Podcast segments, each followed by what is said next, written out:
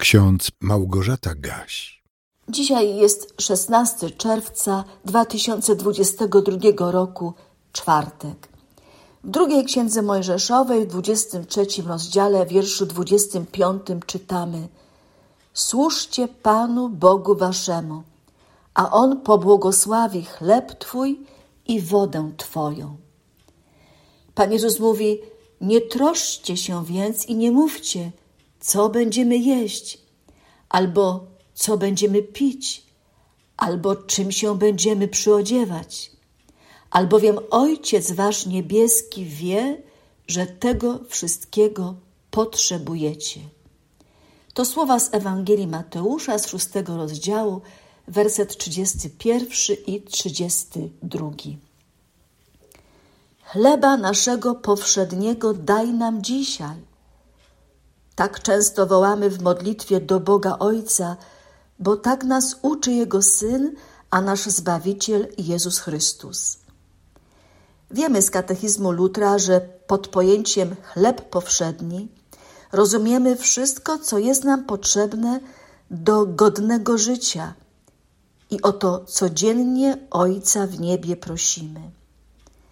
Dobrze, jeżeli rzeczywiście prosimy, jeżeli nie zapominamy prosić, by Bóg regularnie błogosławił nasz chleb i wodę, czyli codziennie zaspokajał nasze podstawowe potrzeby.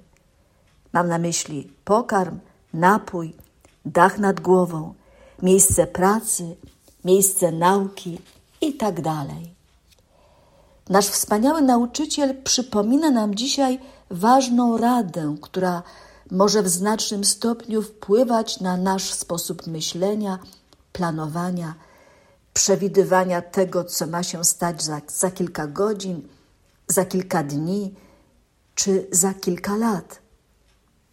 Nie troszczcie się, nie mówcie, co będziemy jeść, co będziemy pić, albo czym się będziemy przyodziewać. Jakże tu się nie troszczyć? Jakże tu się nie martwić w tym niepewnym, niespokojnym świecie?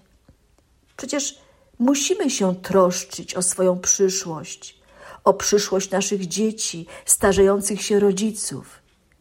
Wszyscy rozumiemy tę konieczność. Prawie wszyscy zabiegamy o to, by móc spać spokojnie, nie bojąc się o to, co włożymy do garnka, by ugotować obiad dla całej rodziny, lub w co ubierzemy dzieci, gdy wyjadą na zasłużone wakacje, albo czy na pewno uda nam się spłacić kredyt na mieszkanie, w którym jesteśmy już od kilku lat. Nie troszcie się. Jak można nam coś takiego w dzisiejszych czasach proponować i zalecać. A jednak można i trzeba. Pan Jezus o tym doskonale wiedział i dlatego w kazaniu na górze poświęcił więcej czasu na to, by swoim słuchaczom lepiej wytłumaczyć, o co tak naprawdę chodzi w życiu ludzi wierzących w Boga. Być może pamiętamy to zasadnicze pytanie mistrza z Nazaretu – Czyż życie nie jest czymś więcej niż pokarm, a ciało niż odzienie? Może pamiętamy, że Jezus każe nam brać przykład z ptaków i lilii polnych, a potem w sposób jednoznaczny zaleca, nakazując swoim naśladowcom, czyli Tobie i mnie, szukajcie najpierw Królestwa Bożego i sprawiedliwości Jego, a wszystko inne będzie wam dodane. Wróćmy do naszego dzisiejszego wersetu ze Starego Testamentu. Słyszeliśmy przed chwilą: Służcie Panu Bogu Waszemu, czyli szukajcie najpierw Królestwa Bożego. To słowo najpierw ma tu zasadnicze znaczenie bo przecież Jezus nie zakazuje nam robienia zapasów w lodówce czy w spiżarni.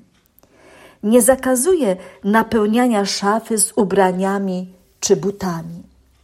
Nawet nie zakazuje nam myślenia o dniu jutrzejszym i o tym, co będzie za kilka lub kilkadziesiąt lat. Pan Jezus tylko mówi: Nie troszczcie się o dzień jutrzejszy, gdyż dzień jutrzejszy będzie miał własne troski. Dosyć ma dzień swego utrapienia. Pan Jezus chce nas uchronić przed nadmiernym i w gruncie rzeczy niepotrzebnym zatroskaniem. Bo przecież nikt z nas nie wie, co będzie jutro, za tydzień czy za miesiąc.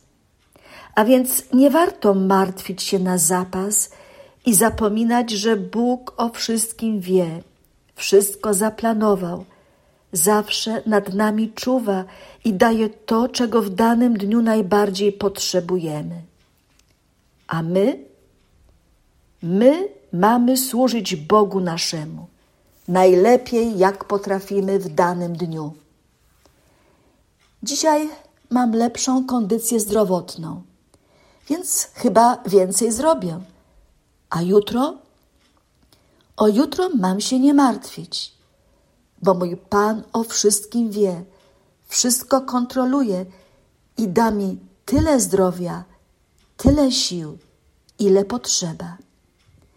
W naszym kalendarzyku z Biblią na co dzień odnajdujemy dziś krótką refleksję Józefa y, z Kupertynu, który żył w XVII wieku. Posłuchajmy. Ludzie zawodzą, ale Bóg nigdy nie zawiedzie. Jeżeli będziesz pokładał ufność w Bożej opatrzności, otrzymasz, czego tak gorąco pragniesz. A Bóg nadziei niechaj Was wszystkich napełni wszelką radością i pokojem w wierze, abyście obfitowali w nadzieję przez moc Ducha Świętego. Amen. Więcej materiałów na www.trojca.waw.pl